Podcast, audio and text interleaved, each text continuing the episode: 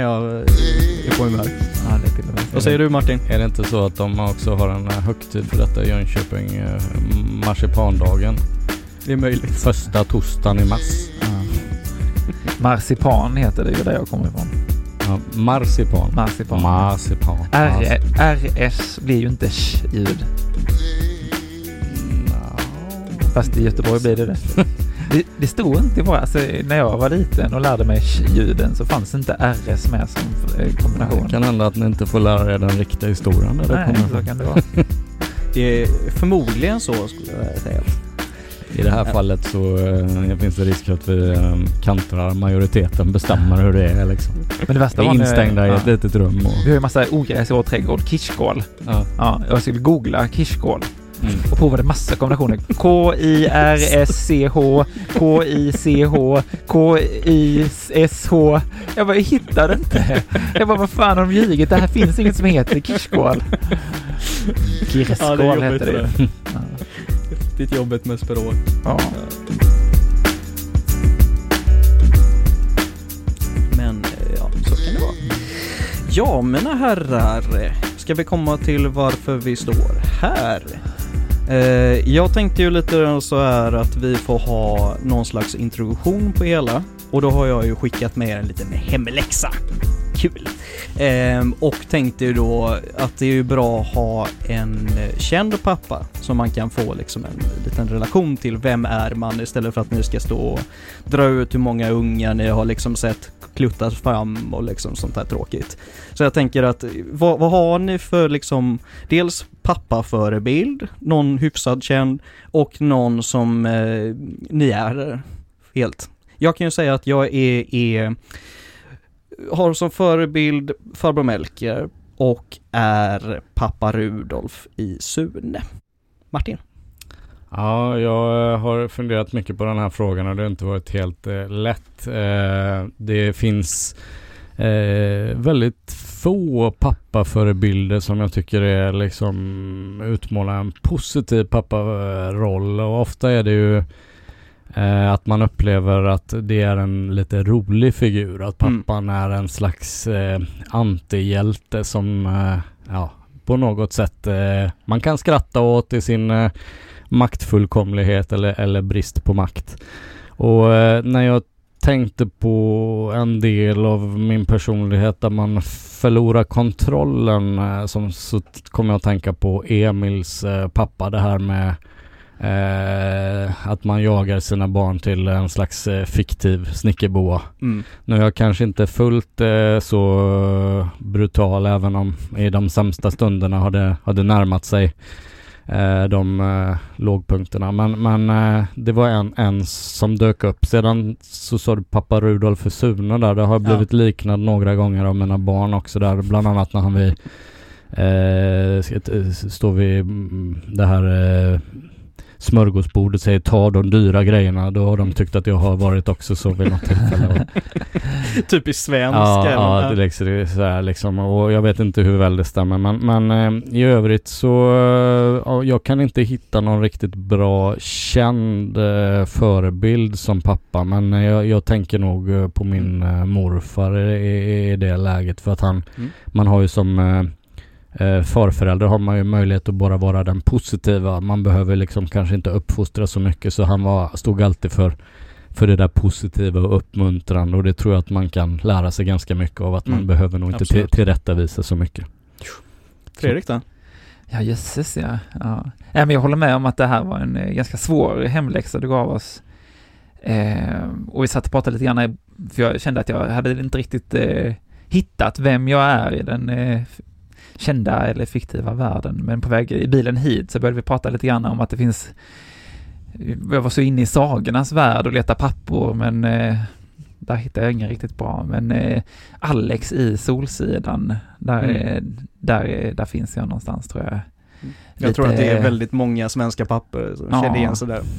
lite nervös, eh, Mm. lite, lite, tycker att allt är lite jobbigt. Eh, ja, tycker att jag gör bra saker ibland och vill ha bekräftelse så Mm. att eh, liksom nu är det min tur, nu är det din tur fast Mm. säger ändå inte det utan går kanske runt och muttrar lite istället och eh, eller jag kan liksom, de här som du också pratar om att eh, Martin, att eh, papperna som är med i sagornas värld eller i de historierna, de är ju ofta lite klumpiga och lite skojiga och lite sådär. Det är inte riktigt den typen av pappa jag kanske definierar mig som, även om det jag kanske vill vara, eller ha den delen också. Mm.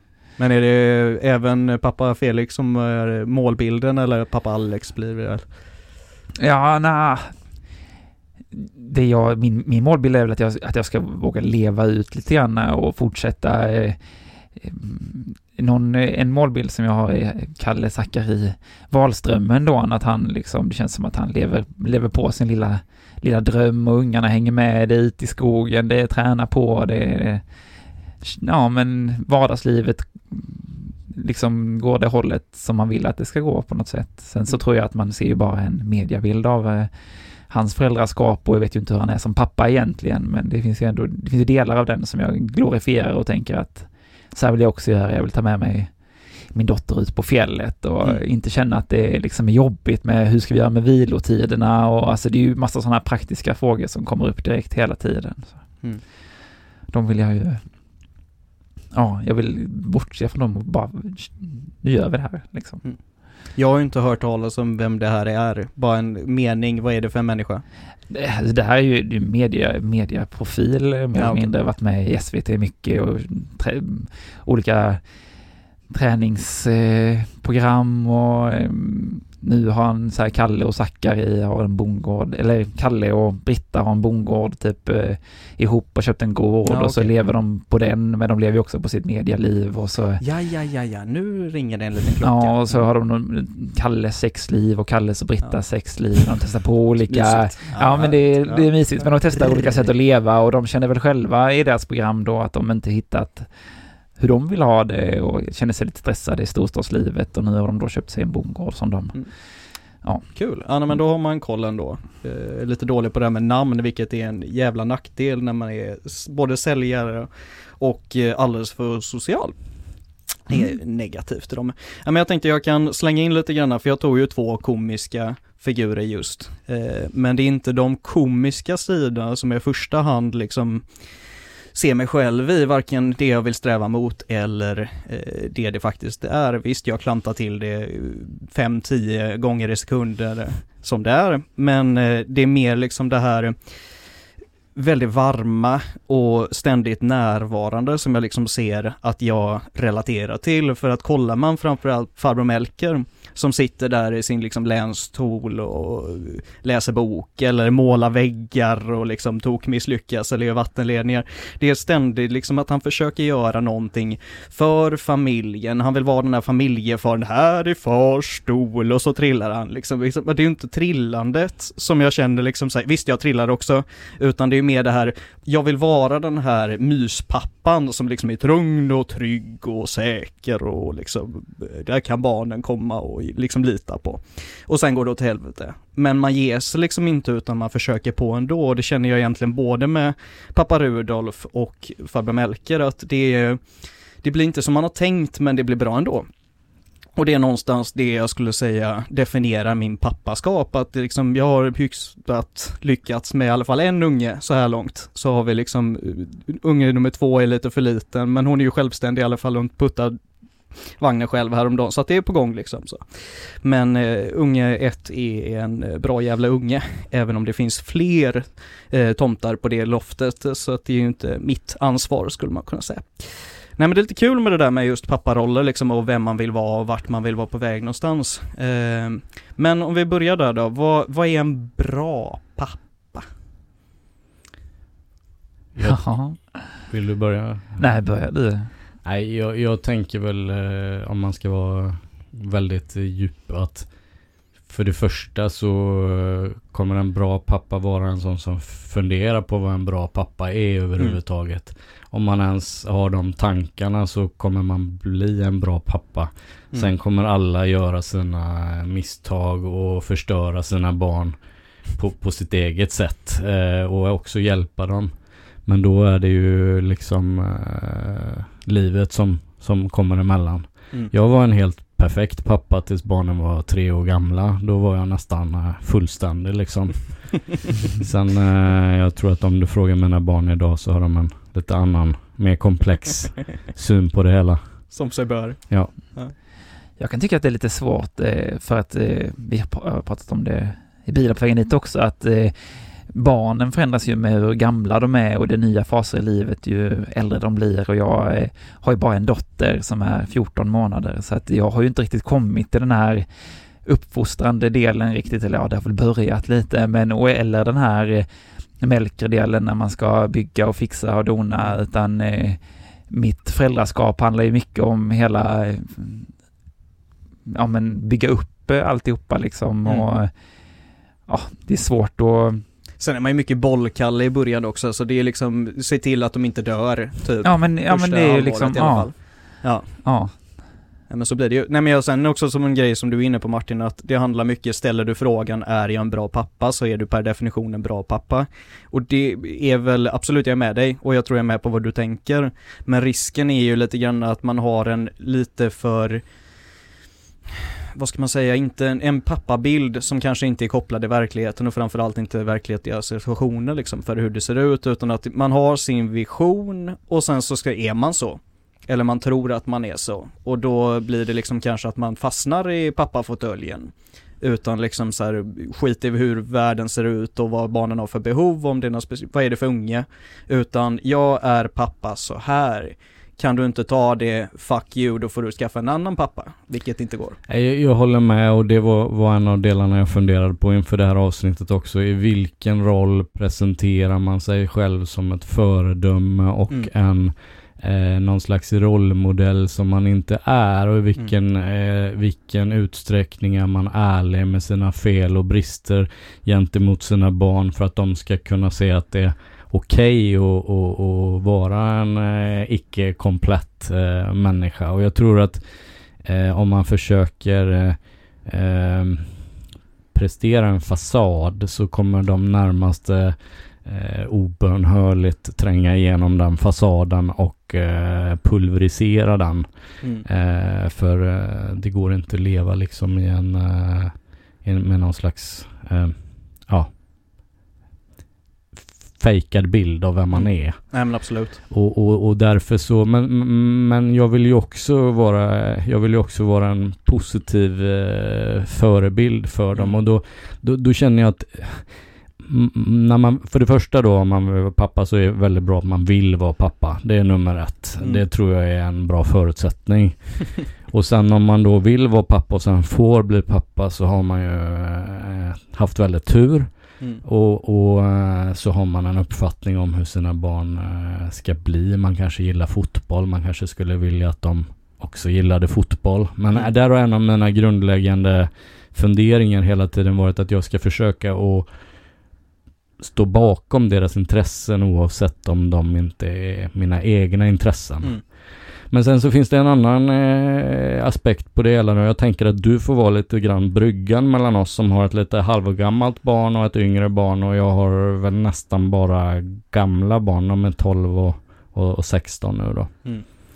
Så det som är så intressant är ju det att man, de går från att inte kunna göra någonting alls. Eh, Man, man försöker bygga ett fotbollsmål och det är alldeles för tidigt och de vill bara sparka in bollarna i, i, i eh, buskarna hela tiden eller så högt som möjligt. Och så sen så kan man spela lite med dem och så vill de inte ens göra det. Eh, och, och, och, och till slut så blir det så här att eh, då börjar man, till slut går de om en. Mm. Så man har ingen liksom, man har ett väldigt kort fönster eh, där det är väldigt intressant att göra saker tillsammans. Så Mm. försök hitta det. Nej men absolut så är det ju. Ja. Eh, det finns en jättebra, förlåt du ska släppa in det också Fredrik, men eh, det finns en jättebra Vresvik-låt som verkligen tar upp det här. Eh, första vackra dagen i maj, ni har säkert hört den. Farsan han är jättetuff Farsan han är bäst Farsan han är någonting mittemellan Honken Holmqvist och Fantomen och hans häst det handlar om eh, en pappa och relationen till deras barn då. Där man liksom går från att vara den stora idolen till att vara någonting som liksom ska grävas ner. Och det är just den här resan som du pratar om nu, att det är en ganska kort lucka där man är liksom, nu är du Jesus. Eh, och den är väldigt härlig på gott och ont, men samtidigt där kan man ju fördärva en unge fullständigt genom att antingen vara frånvarande eller att pränta in skit i dem. Eh, på gott och ont liksom. Vad, vad säger du? Nej, men jag tänker också det här med vad är en bra pappa liksom, att det finns, eh, för vem är man en bra pappa? Är jag en bra pappa för mitt barn? Är jag en bra pappa för min fru till mitt barn då? Eller och för mig själv också liksom. Jag kan, nu första året har jag takt, tänkt så här, jag ska bara köra på liksom, att det är, vi har en unge som inte sover så mycket liksom och det har varit en del andra, eller mindre orosmoment, men det har varit eh, stundtals påfrestande. Jag tänker att alla upplever en påfrestande period när, ens, när man precis blivit förälder. Och så har jag tänkt så här, jag ska bara köra på. Mm. Jag behöver inte sova, jag behöver liksom inte äta, jag ska bara, jag kan göra allt liksom. Mm. Och det, det funkar ju väldigt kort tid. Mm. Nej, sen, det, sen, det, så, så sen, sen, så mår man ju dåligt själv och eh, mm. man, eh, man, alltså man kan ju inte köra på utan att sova och äta. Nej, Nej framförallt det, inte jag, för jag blir ju fruktansvärt otrevlig när inte jag äter. Det är extremt att, viktigt det du tar upp mm. tycker jag, just hur man håller balansen och lyckas mm. faktiskt ta hand om sina egna behov så att man blir en bra människa som komplett och där är ju äldre barnen blir desto mer ökar ju det behovet. Man kan åsidosätta sig själv i några år. Jag tänker på just att åsidosätta sig själv så har en väldigt tydlig hågkomst. Jag kommer inte ihåg allting från när de var små men just vid ett tillfälle när vi skulle äta lunch och så gjorde jag lunch och så sen så hade jag liksom kryssat av det i eh, dagens planering när jag var hemma det var bara det att jag hade inte ätit lunch. Jag kände mig märkligt mm. hungrig. eh, Nej, så jag hade liksom gjort lunch till, till honom och så hade jag liksom varit färdig med det. Och då har man ganska, gått ganska långt och sätta sig själv i, i, i baksätet. Mm. Och, och, så efter några år där och du har satt dig själv i baksätet så måste du börja ta tillbaka det. Och då kan det gå för långt åt andra hållet. Så min eh, min eh, yngsta son häromdagen tyckte att jag skulle stå och kasta eh, bollen till honom vid basketkorgen 500 gånger så han skulle komma i, i, i kapp med sitt basketspel efter vi varit ogina nog att dra iväg honom på en semester utan basketkorg. Och då kan jag känna lite grann, var drar man gränsen? Hur, hur mycket är jag en, eh, en basketbollmaskin och hur mycket är jag min egen? Alltså det, det är den svåra eh, svaren tror jag, många gånger. Nej men så är det absolut, men jag tror att det även är psykologiskt och inte bara fysiskt. För det är klart att du har ju dina kroppsliga begränsningar och så är det ju. Och precis som du är inne på så vill man ju göra allting för sitt barn, i alla fall om man är en, ja som vi var inne på, normalfuntade förälder liksom. Utan det är någon slags grundpremiss att nu är det barnen först och så är det jag sen liksom. Men där är ju också en så psykologisk aspekt, liksom mår du bra? Så kan du vara en bra förälder. Mår du inte bra så kan du inte vara en bra förälder. Och där har jag en ganska extrem erfarenhet i och med att jag bröt med min exfru när jag var, ja, jag fick diagnosen depression liksom. Eh, och hamnade då i valet, ska jag flytta med till, eh, ja det blev Halmstad då, som jag inte har någon koppling till, eh, för att kunna leva heltid med, eller halvtid med min dotter. Eller ska jag försöka bygga en bra bas så att jag mår bra och faktiskt kan vara en bra pappa. Då hade jag ju erfarenhet och försökt leva ett år i Piteå utan speciellt mycket mer än ett arbete som jag inte tyckte om eh, och min dotter. Och det var egentligen det som liksom det handlade om. Eh, vilket ledde till att jag tog beslutet, men vi får eh, göra det som är bäst för henne. Och det var att bo med sin mamma och så får jag försöka ha henne så mycket som möjligt eh, och lägga verkligen tid för det. Men sen när jag inte har den, lägga tiden på att komma tillbaka som människa och bli liksom en pappa som är värd namnet. För det har man ju ganska många exempel på, både i papparelationer som jag sett, men också tycker jag offentliga papparelationer, som inte funkar för att föräldern i fråga inte mår bra. Sen kan man ju heller inte, som vi var inne på, lägga det alldeles före barnet, utan det är fortfarande att man gör det i baksätet, men att du också styr ditt mående för att du ska kunna vara en bra förälder, men för barnets bästa. Och det är fortfarande första, men ändå att man liksom ser helheten och också har en långsiktig strategi liksom. Det gäller väl någonstans att hitta vad är viktigt för en själv liksom och mm. prioritera lite för att man kanske har en målbild om att man ska vara den där perfekta, men så är man inte det för man är människa liksom. Mm. Absolut.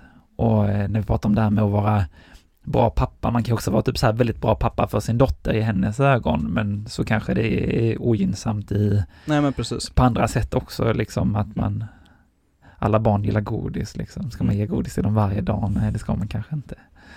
Ja, det är inte bra i och för sig, men i barnens ögon just då är det ju väldigt bra. Mm. Nej men absolut, så är det ju. Ja. Och det gäller ju att se båda. Ja. Mm. Ja. Nej men det är lite roligt för det är liksom det här med vad som är en bra förälder och eh, kanske framförallt vad som är en bra mamma är ju någonting som är rätt, eh, det pratas det en del om. Men när det kommer till just papparollen som vi var inne på lite inledningsvis så är det inte sådär lika mycket. Utan vi lever fortfarande lite kvar i det här med liksom att far går till jobbet och mamma tar hand om barnen. Eh, och så ser ju inte världen ut idag. Utan nu är de allra flesta relationer i Sverige ska jag säga Eh, så har man en mer jämlik situation. Sen är det också en sanning modifikation och det ser jätteolika ut. Men ändå, det finns inte den här tydliga eh, papperlattar och rollen som inte är väldigt mycket, ja men Felix Herngren som alla kan känna igen sig i eller liksom, eller många. Eh, utan man, man hittar liksom nidbilder men inga förebilder om ni förstår vad jag menar, som vi var in på lite inledningsvis. Varför är det så då? Att det inte finns några, har vi, alltså om, om man pratar om papporna, vi vet ju idag med psykologins alla eh, utredningar att, att the same sex parent spelar otroligt stor roll Mm. för hur man eh, utvecklas och hur man uppfattar sig själv.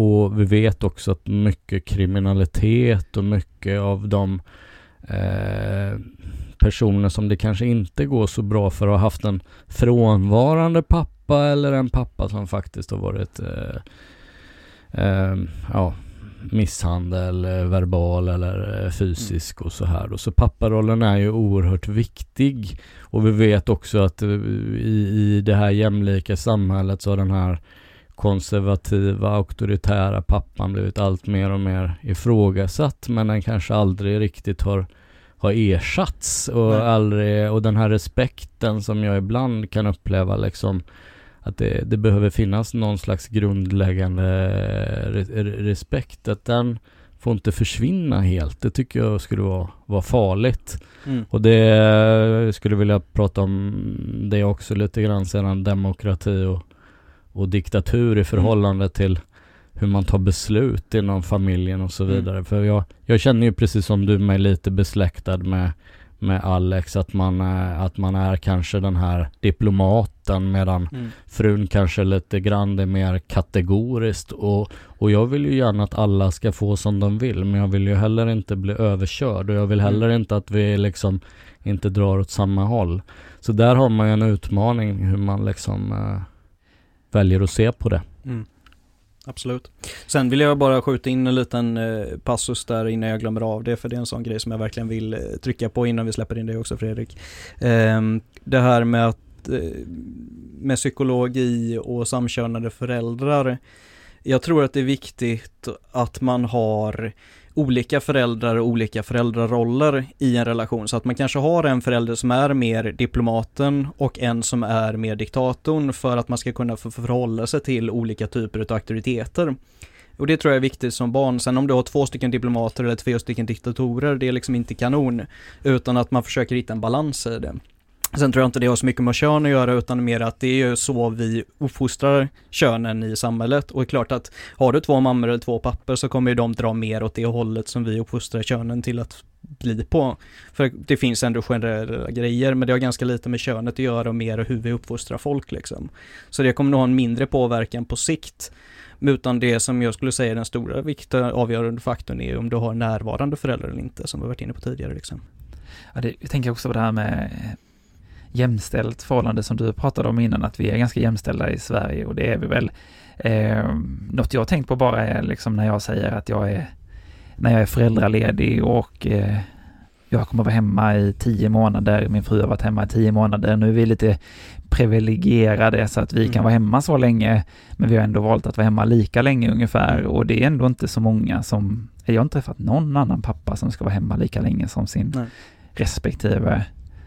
Ehm, så där är ändå lite att, och jobba på. Det är nästan lite så här förvånande. Så här, Jaha, ska du vara hemma så länge? Eller när jag säger att jag gick på föräldraledighet i april, så det var okej, men då ska er dotter in på förskola i höst. Bara, nej, i januari. Ja, Mm. oj, ska du vara hemma så länge? Mm. Och, eh, eller när man säger också, när jag sa, "Nej, jag ska jag går på föräldraledighet i april, ja, men då får du den sköna tiden. Ja, men från Mm. april till januari. Mm. Jag menar, det är ju nästan hela året. Mm. Det är ju klart att det är den sköna tiden, men det är också höstmörkret och vintern. Jaha, ska du vara hemma så länge?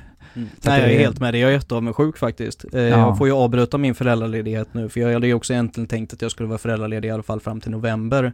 Jag har ju en liten ettåring här nu som fyller på lördag. Det ska jag veta in, utan tänka på alls, men det, så är det. Eh, nej men så att eh, det är ju helt enkelt för den här coronaskiten och att damen är permitterad men det är ju lite tröttsamt det här att när du är hemma länge, då är det en grej. Då är det liksom så här, antingen klappa axeln, duktig, heja, vad bra, käckt, vilken bra pappa. Kan ju vara skit, det kanske är att man ligger hemma och dricker öl, skitsamma. Men det är i alla fall liksom, oavsett om man tycker det är bra eller dåligt så är det liksom en grej och det är lite konstigt och liksom du luktar och liksom så här, vad, vad är det för någonting nu liksom? Ja. Eh, vilket ju är helt åt helvete. För att det är klart att liksom så här, man får ju respektera att samhället som ser ut som det ser ut. Och många har inte råd eh, att båda är hemma lika mycket. Utan vi har inte kommit så långt med feminismen än att liksom det är jämlikt. Hoppas vi kommer dit, men det, dit är vi inte. Och då får man respektera att så är det inte än. Även om man kan jobba mot det.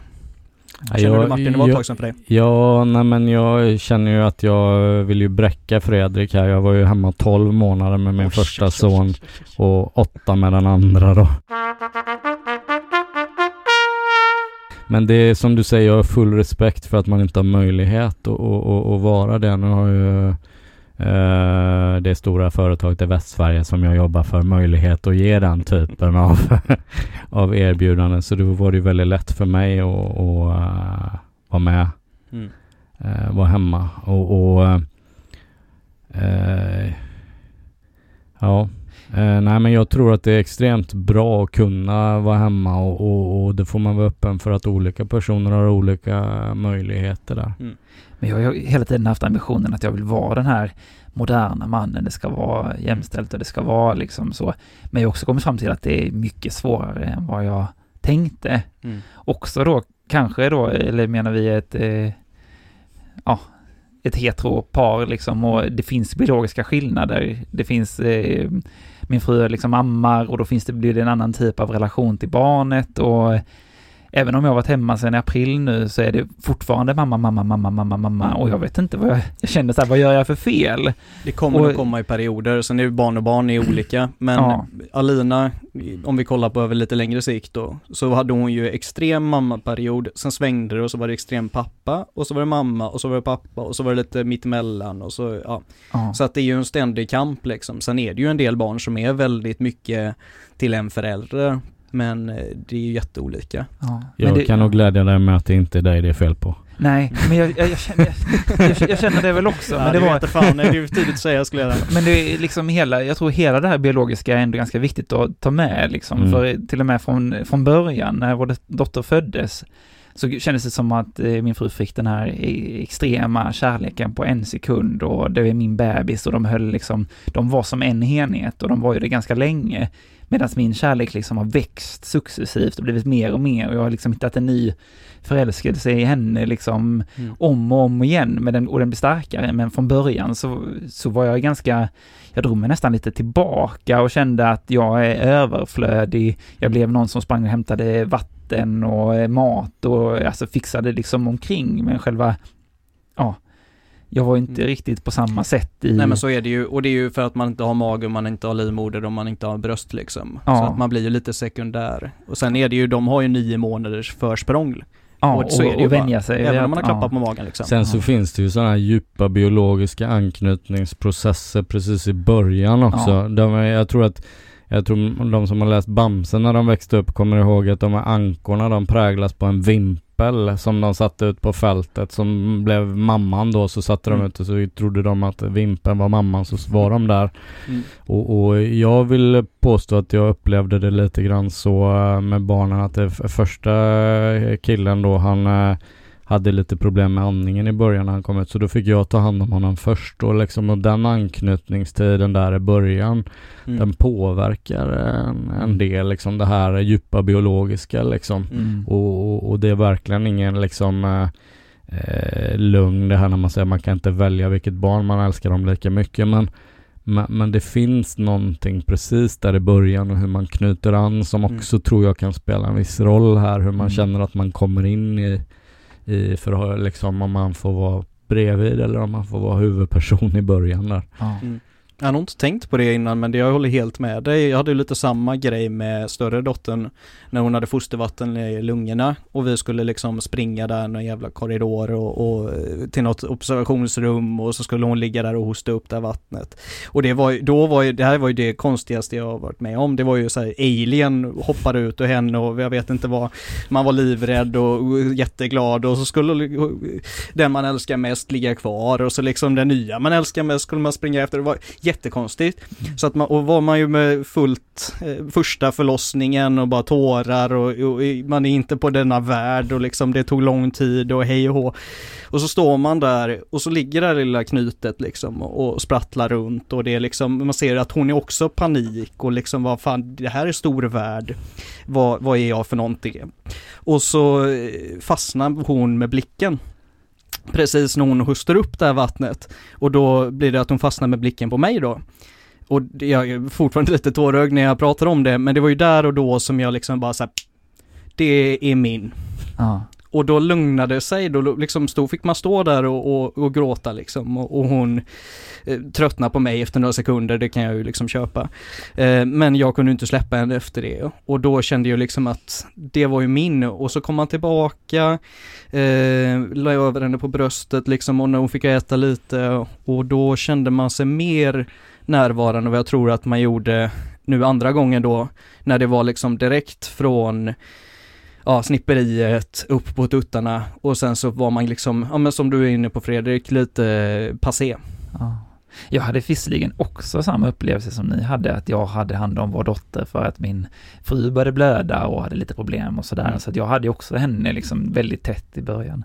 Men det var ändå liksom sen när man, ja, en, en liten balans eh, rubbning när man kom hem kanske och att man, Mm. jag, jag kände att jag växte in i rollen, eller inte i rollen men i jag, jag förstod inte vad det skulle innebära att bli pappa. Det var ganska många sådana här Nej, man, man är ju helt chockad. Jag kommer ihåg chockad, att ja. jag refererade till honom som den i början. För jag Jaha. hade liksom inte riktigt eh, accepterat att det var en person. För han hade nyss varit en mage liksom. Mm. Ja. Så det, men det kanske också säger lite grann om mig. Jag är lite långsam att adaptera till nya situationer. Det tar eh, några år. Ja, men jag Så- hörde, jag skaffade Instagram häromdagen liksom, kände mig, fan nu är jag modern, tio år efter. Det känns bra. Jag har inte skaffat det än. Pappaligan. Hur skönt. Nej men det, så är det ju verkligen. Och det tar ju ett tag innan man faktiskt fattar att man är pappa. Eh, har ni något sånt definierande ögonblick där liksom så här, där, där förstod jag. Jag hade ju den här ganska tidigt då när jag fick blicken mer eller mindre direkt men, men med Signe så, ja jag är nog fortfarande inte riktigt med på det.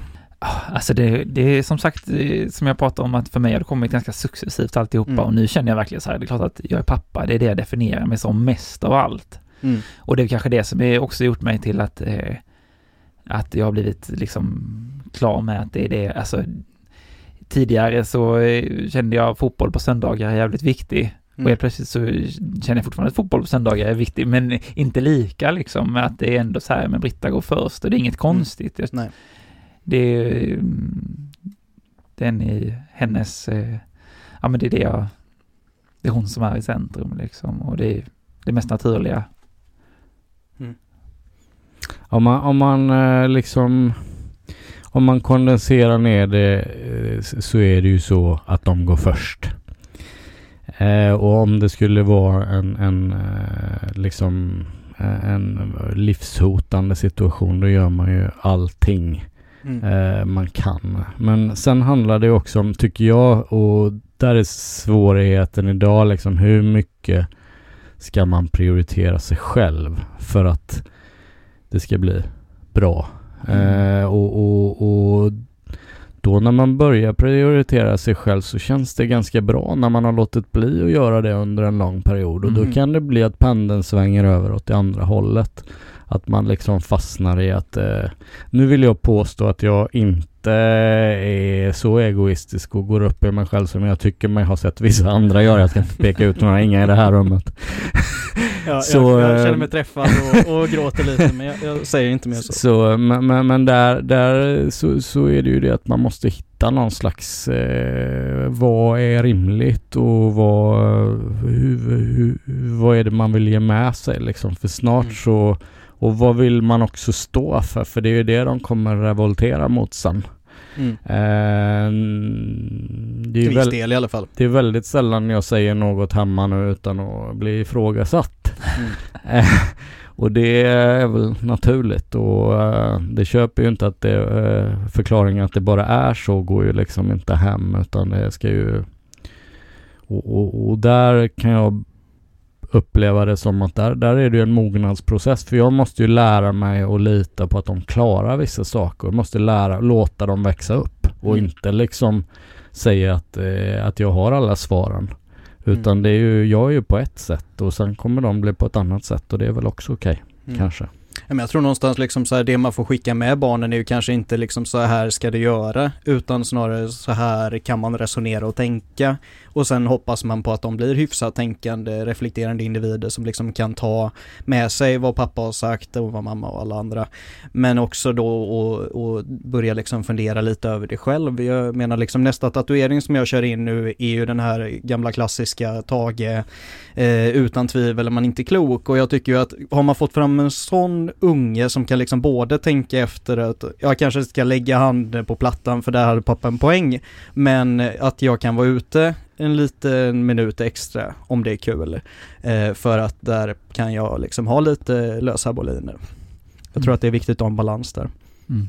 Ja, vi pratade ju lite grann också om det här med våra egna pappor och hur Mm. vi kanske både mallar oss själva eh, och, efter, och vår familj efter dem. Och det är ju så här att eh, jag har ju haft en förhållandevis överbeskyddande pappa och kanske har reagerat lite grann mot det då. Mm. Och, och, och, och som reaktion har ju hela samhället, om man till exempel tar en sån här sak som cykelhjälm. Mm. Så var ju det, de var ju kirurger och jobbade på sjukhuset och fick ju se alla huvudskador. Så jag var ju tvungen att cykla omkring med en stor Jofa-hjälm på området när jag var liten. Utan att eh, någon annan hade hjälm. Var på de stora killarna slog en i huvudet och så Har du hjälm? Hör du klarar du det här? Dunk! Och, och det var ju inte alltid Det är jättekul. därför du är som du är. Nej, ja precis. Han hade, han hade ju hjälm. ja, ja, det borde ju inte ha tagit så hårt. Nej, i alla fall. Min, min poäng här var ju det att jag är absolut ingen liksom, eh, jag är också eh, kanske beskyddande till någon del, men när jag växte upp då och, och inte eh, kunde få bestämma själv att jag inte har hjälm, då har ju alla andra hjälm. Mm. Och då är de med en cykelklubb och då får man höra då ska, du, att man ska ha hjälm. Så det blir liksom aldrig riktigt rätt det där ma, man gör. Men, men min, min, min poäng här var lite grann att att revolution, eh, eller vad heter det, reaktionen mot pappan, det måste stå, de, när de ska bli sina egna personer så behöver de identifiera sig mot någonting och, och blir då man otydlig så blir det nog också en identitet för vad revolterar du mot egentligen då? Eh, så den saken tycker jag är, är, är rätt intressant. Jag har tänkt på det här med liksom, eh, ja nu är vi inne på pappa, våra egna föräldrar och egna eh, och förebilder i ens eget föräldraskap. Och där är mer, jag ser min pappa som en stor förebild, extremt närvarande. Han hade liksom, jag tror inte, jag vet inte om han har sagt det, men det kändes som att de sa typ, ja, vi har inte alla pengar i världen, men vi har tid. Och han var ju min fotbollstränare, han var med och organiserade den orkestern som jag var med i, han körde, körde mig vart jag än skulle kändes det som. Det fanns liksom inga, inga begränsningar typ. Och sen så, ja, jag vet inte, han berättade om sin barndom, när han, hur galen han var och hoppade på isflak och kastade Mm. kniv till varandra med träskor och grejer. Och det gjorde så här, okej, så, så galen tänker inte jag bli pappa. Så att det Nej. blev liksom lite avskrämmande. Men visste ju också att jag kunde gå till honom om jag ville göra någonting som jag visste mamma skulle säga nej till. Så kändes det som att ja, han kommer i alla fall säga ja. Mm. Så han var väl inte så överbeskyddande, även om jag hade väl också hjälm och hjälm tycker jag är jättebra. Mm. det tycker jag alla ska ha. kan ju också vara med min... Jobbar på sjukhuset du. Ja, precis. Ja. Nej men jag är helt Men, med. eh, Och det är, jag tror att det har väldigt mycket påverkan på hur man själv är som förälder och hur man är som pappa, vad för pappa man hade. Jag hade ju min hjälm på styret och det var ju pappa väldigt medveten om och tyckte ju liksom att så här, eh, vad fan, eh, då, då kanske han blir gaisare om han trillar och slår sig men liksom det, det är ju inte så han brydde sig inte så mycket om fotboll så att det liksom eh, gjorde inte så mycket. Nej men alltså det är just det som det säger det här med har man en närvarande pappa som också kan bjuda på sig själv som ett exempel, både liksom när det blir beskyddande men också liksom ur den aspekten att du vet att jag gjorde ju så här och så blir man lite så här, ja ja, då ska jag inte göra så. Utan precis som din farsa, är smart gjort. Um, jag hade ju problemet istället att jag hade ju två olika papper. Trots att det var samma pappa. För att alkoholen gjorde någonting när jag var tio år liksom. Innan dess hade det hållit sig på en nivå och sen eh, gjorde det inte det längre. Så att det, min barndomspappa är ju mångt och mycket farbror Melker. En tänkande människa som liksom brydde sig, var närvarande man kunde liksom leka med och eh, som fanns där och sen blev det någonting annat som jag ser det. Eh, sen kommer, hade han stått här och försvarat sig hade han haft en annan bild men det ja, nu är det inte så. Ehm, eh, utan det är så mycket i relation till liksom hur vad har du för förutsättningar? Och det stora skiljegrejen blev ju när en läkare sa till honom att du, eh, ett glas vin om dagen är bra för ditt hjärta. Han fick eh, infarkt när jag var 10 och han var 50. Och det är ju det dummaste någon har sagt än någonsin. För att det gjorde att liksom så här där, det som var en begynnande alkoholism blev en alkoholism. Och därmed hade han inte förutsättningar att vara en pappa längre. Eh, tog det ju många år, det var successivt liksom, men det är ändå liksom, det är en sån stor grej som definierade hans pappaskap väldigt Mm. tydligt. Eh, I alla fall för mig. Ja. Sen eh, för att knyta an lite grann till det som vi pratade om tidigare också, just det här successiva papparollen, att man förstår liksom att man är det. är ju jag väldigt tacksam om att jag inte fick ihållande tid med Alina på det sättet. Jag tror jag var hemma två månader liksom, och parallellt med att jag sökte jobb så att det blev nästan ingenting. Ehm, utan att jag kunde ta det på om på och det var det som räddade vår relation när hon kunde bo i Halmstad. För då jobbade jag så att jag var ledig torsdag till söndag varannan vecka. Eh, och gjorde ingenting annat, utan då var det Alina och så sket jag i allt. Eh, man åkte ner och hämtade henne på torsdagen och så åkte man ner och lämnade henne på söndag liksom. Eh, och däremellan så var det bara Alina. Och det har ju gjort att vi har en väldigt nära relation trots att vi fram tills för ett och ett halvt år sedan inte har bott ihop innan, från det att, hon var två år liksom. Mm. Ehm, och det är också en sån grej som har färgat vår relation väldigt mycket. Men där jag också känner att mitt pappaskap har liksom fått växa med, på lite distans. Men det var också just det här med för att jag skulle kunna ge mig själv förutsättningar för att kunna bli en hyfsad pappa, vilket jag ändå tycker att jag är, ehm, var det nog nödvändigt att jag inte flyttade ner till Halmstad och försökte liksom leva bara för henne. För då hade inte jag klarat av att vara en bra pappa. Nej.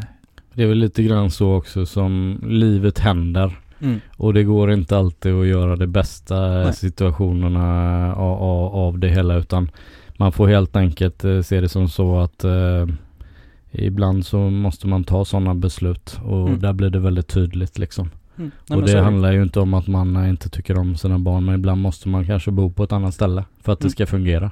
Nej men precis. Och det, och se liksom. Jag tänker bara på det, vi bor i ett iland med så många förutsättningar och du kunde ändå åka ner till en, en stad och vara där flera dagar. Mm. Men eh, om jag tänker i liksom u-länder och sådär, folk som är borta i Ja. Bahrain och jobbar som Mm. eh, hemhjälp i flera månader för att kunna ge mat till sina Mm. barn och sådär. Jag menar, det uppstår ju hela tiden sådana eh, eh, konflikter. Och, Mm. och just det du berättar om eh, alkoholism och mental ohälsa och, och, och övergrepp och allt sånt här som, som eh, och i, i de perspektiven när man, när man känner sig orolig på om man gör sitt bästa så kan man Mm. kanske kanske tänka det i alla fall att man, man finns där och man, Mm. man eh, i alla fall är någon typ av skydd mot omvärlden. Nej men absolut, jag tror att någonstans gör du inte ditt barn illa, vilket ändå är en definition utav en dålig pappa, eh, då är det liksom en bra bit på vägen. Jag tänker det här också med att vara närvarande liksom. Hur närvarande är man om man är med sitt barn men inte mår bra? Det är man ju inte. Mm. Jag är fruktansvärt eh, onärvarande när inte jag mår bra. Jag är extremt disträ och inte Mm. observant för någonting. Men mår jag bra så kan jag vara väldigt närvarande. Mm. Och jag tycker, ja. Så att närvarande betyder inte att man ska vara med barnet hela tiden utan det är att man ska kunna ge lite kvalitet liksom Mm. när man är ihop Men precis, också. kvalitativ kontra kvantitativt. Ja, men precis. Mm. Nej men så är det verkligen. Men eh, en viktig punkt som du tog upp här inför att vi skulle stå här idag. Vad, vad tycker ni har förändrats i er själva liksom från pappatiden före och idéerna och tankarna om att vara pappa till att faktiskt vara det? Ja, blivit väldigt rutinstyrd. och det är väl, och, och där kanske jag kan se, jag pratar om Kalle Zackari Wahlström som förebild. Han är säkert också väldigt rutinstyrd, men liksom att inte rutinerna får styra över ens liv. Mm. Och, men det gör det ju just nu. Att sådär, ja men klockan, då är det ju vila och Mm. då är det ju lunch. Jag kan inte ge mig iväg nu för då ska vi äta och tänk om jag kommer dit och så kan vi inte äta någonting, vad händer då? Jag vill inte veta vad som händer då för jag har hittat dessa rutiner och de funkar väldigt bra för mig. Mm. Vill du veta vad som händer? Ja, berätta snälla. Väldigt lite. Ja, Det är liksom- det, gör ju det. Allt ja. som oftast är det ingen större fara. Ja. Eh, barn är praktiska små saker, man kan kasta ner dem för en trappa utan att det är liksom någon större fara, som regel. Risken är att de blir gaisade som sagt och det är, eh, det ska man inte sticka under stolen med, men eh, allt som oftast, missar du en sovstund, missar du en matstund, missar du någonting, det är ju när det alltid händer, då är det inte bra. Utan rutiner är ju kanon, men de måste också finnas lite, för att du ska kunna med människa, eh, möjlighet att byta i dem, Tro, tycker jag. Mm, och jag, jag håller med. Mm. Mm. Mitt, eh, mitt ena jag säger, men det är inga konstigheter, jag är helt med på vad du säger. Men mitt andra jag säger, fast de här rutinerna, de gör ju ändå att vardagen går ihop på ett väldigt bra sätt. Mm. Hon måste ju vakna innan klockan tre, annars sover hon inte på kvällen. Hon sover ändå inte på kvällen. Eller kvällen sover hon, men natten är hon vaken. Ja. Ja, jag hör dig. Det är, sam- det är fulla rutiner på dina Martin eller? Ja, verkligen. Eh, nej men jag kommer ihåg när de barnen var yngre och då eh, kompisarna hyllade de här som åkt, fortsatte åka till Thailand och som fortsatte att göra allting. Så de titta det går ju. Men det gör ju inte riktigt det heller. Nej. Det är ju alltså rutinerna är ju det. Om du inte har några rutiner så ballar ju allt ut väldigt, väldigt fort. Mm. Så eh, återigen, någon slags balans. Mm. Och, och, och det är väl en av de bästa grejerna att kunna upprätthålla de här rutinerna. Eh, så att man inte ramlar ut i någon slags eh, kaos. Men att kunna också ta avsteg från dem och liksom... Mm. Eh, Ja. Nej men någonstans att, att livet vänds upp och ner på, man skakar åtta gånger och sen så får man köra vidare. Det är liksom, så är det ju bara. mm, Och jag tror att om man inte lägger om livet så är man nog kanske ute lite och cyklar också. För då blir det liksom att man lägger hela kakan på, på sitt och sen så får barnen anpassa sig och barn funkar inte riktigt att anpassa. Sen är en del barn mer anpassningsbara och en del är mindre. Men det är ändå liksom någonstans man får utgå ifrån barnens behov och sen så tar vi de vuxnas behov och sen är det familjens behov liksom. Och så ser man försöka få en fungerande helhet mellan rutiner som jag hatar och kliar i hela kroppen Mm. Min sambo försöker få igång att vi ska ha matlista nu och liksom så här bestämda matdagar och sånt. Jag liksom så här, känner, det kliar liksom över hela kroppen nu när vi bara pratar om det. Eh, och det går ju att leva ett liv utan att ha fullt lika mycket rutiner, eh, har jag gjort ett tag. Eh, men det är klart att det är enklare med rutiner. Och är det liksom ett barn som har kolik eller liksom väldigt stora behov, då är ju rutiner ett krav. Och ju enklare barn du har, alltså ju mindre enkelt det är svårt att säga, men, men, men ju, ju mindre omständigt det blir, ditt föräldraskap, ju lösare boliner kan man ju ha, ju, ju mindre rutiner behöver man ha. Men såklart, ju mer krav du har, ju mer rutiner måste finnas. Mm. Jag har ju, vi pratade om det i bilen på vägen hit också, jag och Martin. Men jag Man skulle slå, kompis- slått upp en mikrofon i bilen på vägen hit Ja, känner jag. Det var liksom alltså- där podden hände. Ja, nej det var inte där vården hände, men det var där jag lyckades eh, bara förbereda mig lite i alla fall. Ehm, kände jag att eh, det passade inte in i mina rutiner för gårdagen att förbereda mig, så att jag gjorde det i bilen på vägen hit.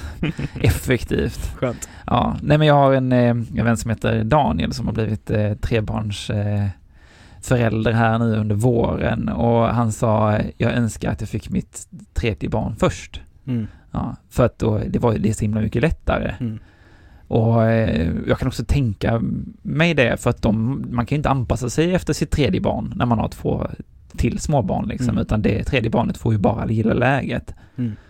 Och, eh, och så vill jag också tänka då att eh, min första unge är min tredje unge och att det är ju snarare jag som kanske inbillar mig att det måste vara så strukturerat som det är.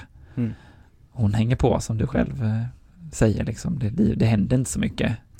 Nej, jag tror att någonstans, det är lite grann som när man skaffar en ny telefon. Det bästa som kan hända när man skaffar en ny telefon, det är att man tappar den ganska omgående.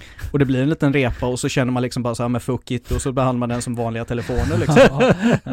Och det, Vilken fin liknelse. Ja, Ja, men alltså det, det är liksom, då, då har man en sund inställning Mm. till det. För att då är det inte det där!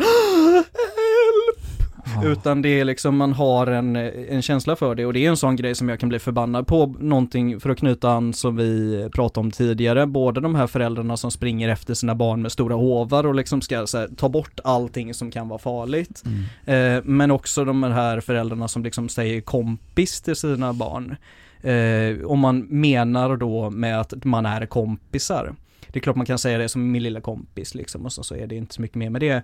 Men när det blir att man liksom har någon slags kompisrelation där man ska liksom så här tillåta allting och det finns inga regler att lösa på det. Alltså det är liksom, de två föräldrarna är ju två ytterligheter. Och jag tycker att de båda de är väldigt problematiska. Ja, jag, jag, jag kan inte låta bli att hänvisa till en dokumentär jag såg om Lars von Trier. Mm. Han, hans föräldrar, de, han växte ju upp på en tid då allting var väldigt tillåtande och väldigt okej och man Mm. skulle inte vara auktoritär. Det var väl lite hippie-tid Mm. antagligen. Och eh, han berättade ju då hur han bara önskade att han kunde fått någon tydlig tydliga ramar att förhålla sig mot. Men det, det var liksom, och någon gång så hade han väldigt kraftig dödsrädsla och då frågade han sin eh, mamma så här, eh, mamma kommer jag överleva natten? Mm. Och varpå mamman då svarar att eh, ja, förmodligen kommer du göra det men det finns ju en liten risk att varje natt att man kan dö i sömnen. och, och där började ju hans eh, problem då lite grann då med, som säkert har fått uttryck i flera filmer och konstnärskap så det var väl, var väl bra då men, men eh, jag, jag, jag, det, det, det säger någonting liksom Mm. om hur man eh, förhåller sig till eh, eh, ja, är man en trygg eh, person som låtsas att, jag kommer ihåg någonstans när jag började uppfatta att min eh, pappa kanske inte kunde kontrollera allting eller Mm. bestämde allting. För han har ju varit väldigt trygg och en person att, att lita på. Nästan ibland lite för eh, mycket liksom mall på det sättet. Men jag tror det var när vi var i, i New York och på den tiden fanns det väldigt mycket hemlösa ut, uteliggare och han är liksom alltid och här gick vi plötsligt förbi dem och liksom kunde inte riktigt eh, hjälpa dem och Mm. han var lite maktlös inför Mm. det. Någon som man såg som en maktfigur då. Kanske låter lite löjligt så här i efterhand och speciellt nu i ljuset av att vi har så mycket hemlösa här också så så har vi alla fått eh, uppleva den maktlösheten oftare. Men för mig var det något nytt då att pappa kunde liksom inte riktigt Mm. lösa den här situationen och han adresserar den inte riktigt heller. Nej. Så det finns väl lite grann också en, ett hemlighetsmakeri om man försöker vara en komplett förebild utan några glipor ma- i masken så, så är man ju inte riktigt ärlig. Nej. Och jag vill nog vara ärligare i den meningen att jag inte är perfekt. Och det har mina barn också redan upptäckt. Och jag tror att det är direkt förutsättning för att man faktiskt ska kunna vara en positiv förebild. För att är du liksom den ultimata übermensch för att eh, låna ett eh, tyskt begrepp, eh, så blir det ju också fel. För att precis som du säger, när man kommer till en situation som du inte kan lösa så kraschar hela världsbilden. Och det är ju jätteproblematiskt. Vad säger du? Ja, men jag, eh, jag håller med. Eh, och vet man om sina brister och berättar dem så kan ju också barnen förstå att eh, varför man agerar som man gör och, Mm. och ja. Och jag har alltid blivit upplärd så här med du, du duger som du är och sådana värderingar. Behandla alla så här som du själv vill bli behandlad. Och, mm, jag vet inte, mjuk, massa mjuka värden. Mm. Nej men det, och det är Men, eh, jätteviktigt någon också. typ av ödmjukhet inför allt, typ. Nej, och jag tror att det är de här värdena för att prata om det här som vi pratade inom, eh, som du var inne på mycket Martin, att man har barn som rebellerar och det har inte jag kommit in i riktigt än. Eh, mycket för att det blev väldigt speciella omständigheter med min dotter. Men eh, att man liksom får sparka in grundbultarna och sen får man öppna för att de kan bygga en värld utifrån det där liksom. Och då att ha med dem de här, som du säger Fredrik, med, med liksom behandla folk schysst, eh, var inte en gris och liksom ja, försöka undvika och hålla på fel fotbollslag. Eh, då liksom, då, då har man någon slags grundbas och sen får man hoppas att de liksom klarar av, eh, klarar av att flyta. Um, hörni, nu har vi hållit på en stund. Jättetrevligt. Men jag tänkte vi skulle ha ett praktiskt pappatips. Uno 1. det viktigaste pappatipset som man kan liksom eh, få. Vad är det för något? Du får börja tror jag.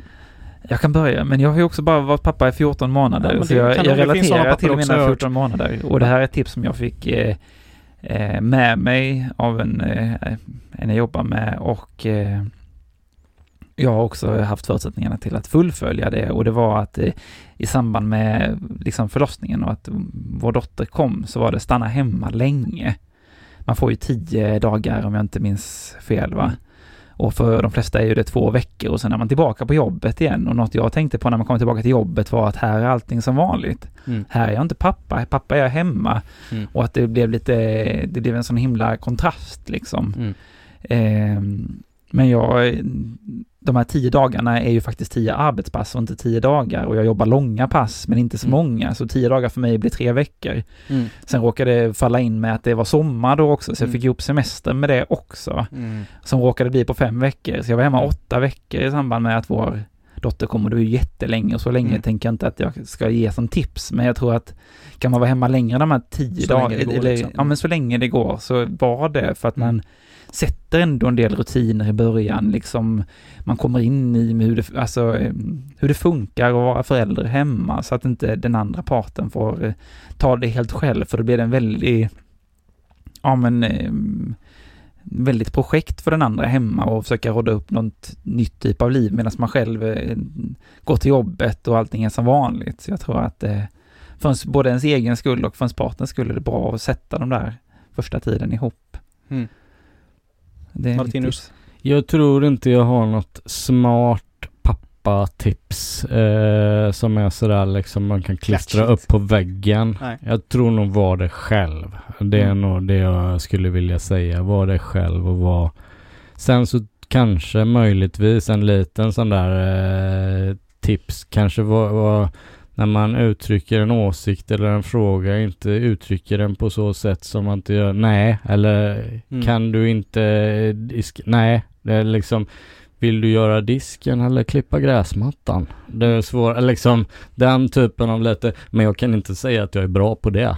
Det, det kan jag stå och liksom försöka eh, säga så här men det, det misslyckas jag med varje, varje liksom. dag. Alltså, jag måste bara berätta en sak. Jag jobbade väldigt kort tid eh, när jag bodde i Stockholm som lärarvikarie och bland annat som idrottslärarvikarie. Och Mm. då fick jag lära mig trick, eh, trixet att säga att förra klassen plocka undan alla grejer på två minuter. Klarar ni också av att göra det? Mm. Och då Den kom det, ja den är skitsmart, men då kom det liksom fram till mig att shit vad jag var lurad när jag var liten. Mm. Satan vad snabb jag var på att plocka undan helt i onödan. De hade ju inte ens tagit tiden. Nej.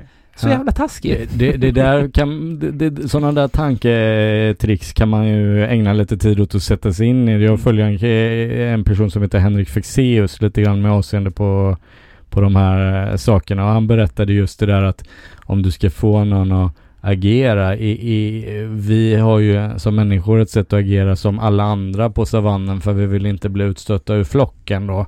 Men du kan inte liksom skriva det människor, på näsan som du ska indikera att någon ska köpa en biljett till en konsert. Nu var det länge sedan det var, fanns några konserter att köpa biljett till.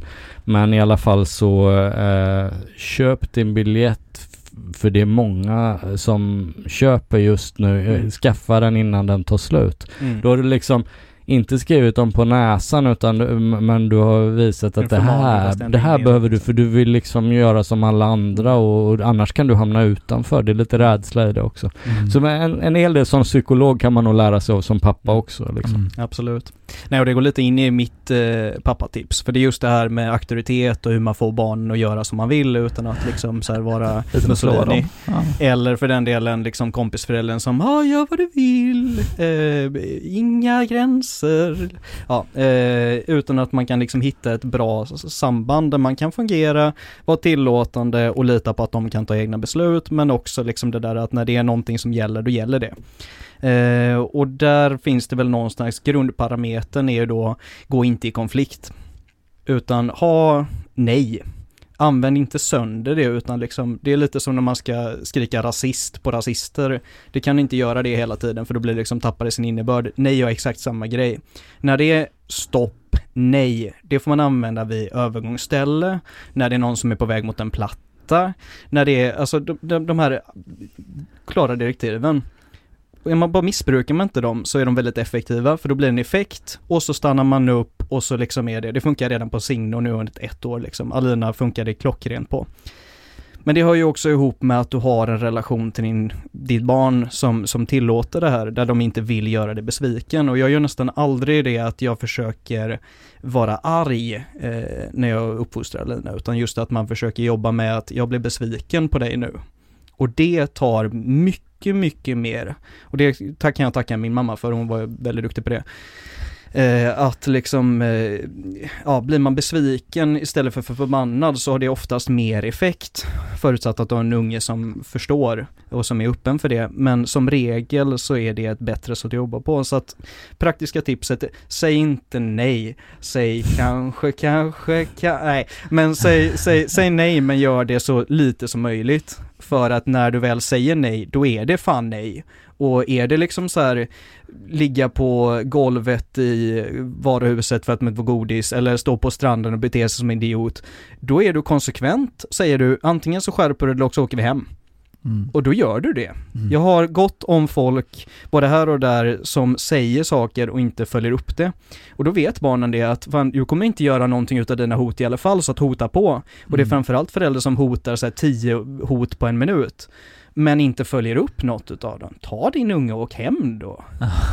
Alltså hur svårt har, du, har du inte sagt det en gång? Men ta din unge och åk hem! Ja, jag, jag, jag har sagt det. Ja, du har gjort det, det. det var spännande. Ja. Ja, Jag tycker det var ett jättebra tips Per och jag känner ju, här fallerar jag ju hela tiden också. Mm, Jag är nog inte den här med tio hot och, men eh, jag gör det nog för ofta Mm. för att jag ska bli liksom um, genom eh, testad eh, Mm.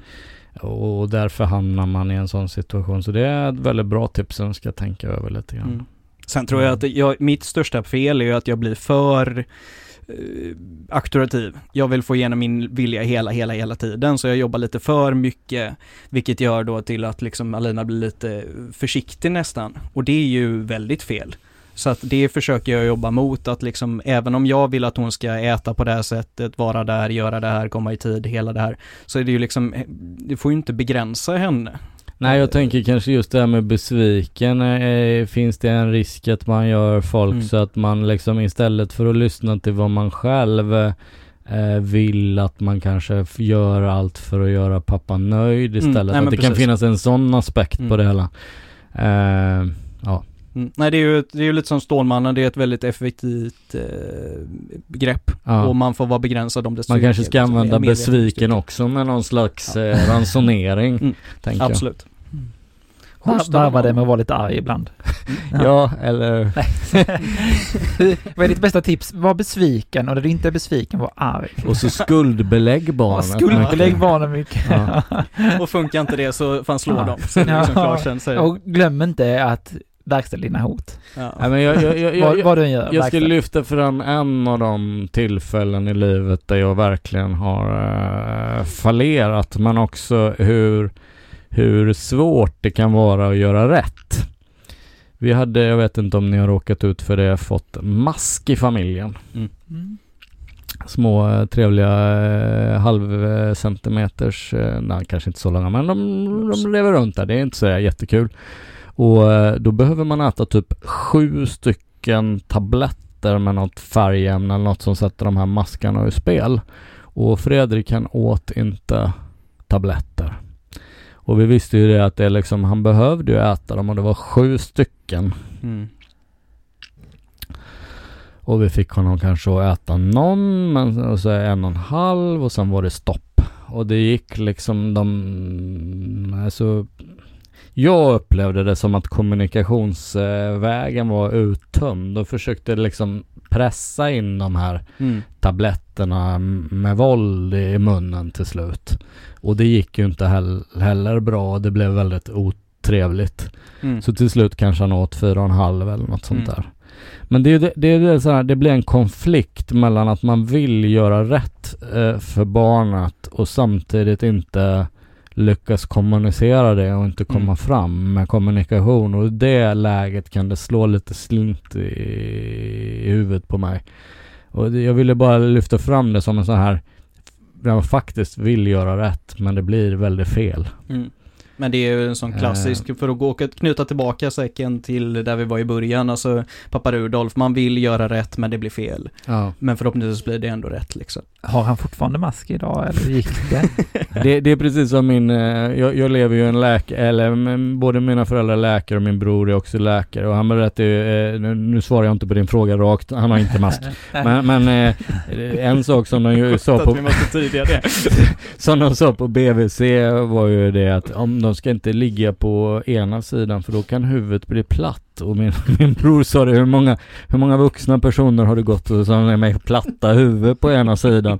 Det är ganska dumt att de gör liksom eh, bekymrade föräldrar, att de ger ytterligare en sak man kan gå omkring och tänka på Ja, liksom. nej, det är tröttsamt. Mm. Schysst. Ja, men här har ni någonting avslutande som vi inte har tagit upp?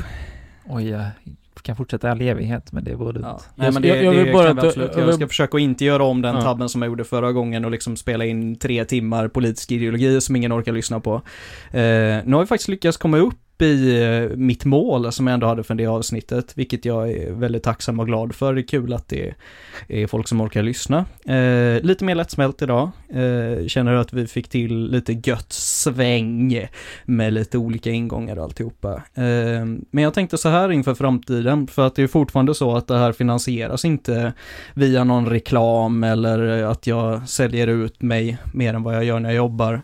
Eh, utan att det behöver, för att det ska bli mer avsnitt så behöver du lyssna. Du behöver gilla, du behöver dela och om du har möjlighet att gå in med en kaffe i månaden, eh, även gå in och stötta. Nu har vi några som har gjort det och därmed blev det ett tredje avsnitt.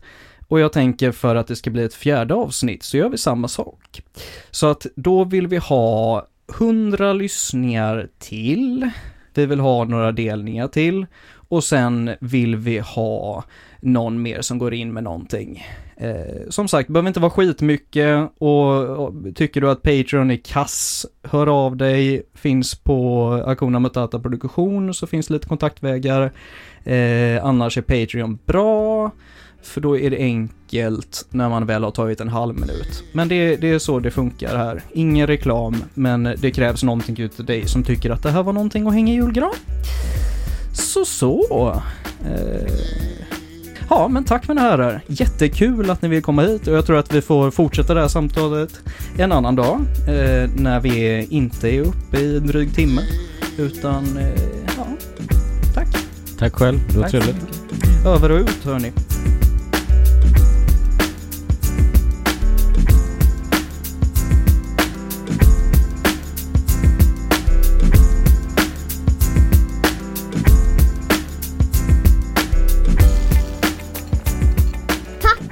Planerar produceras av Hakuna Matata Produktion.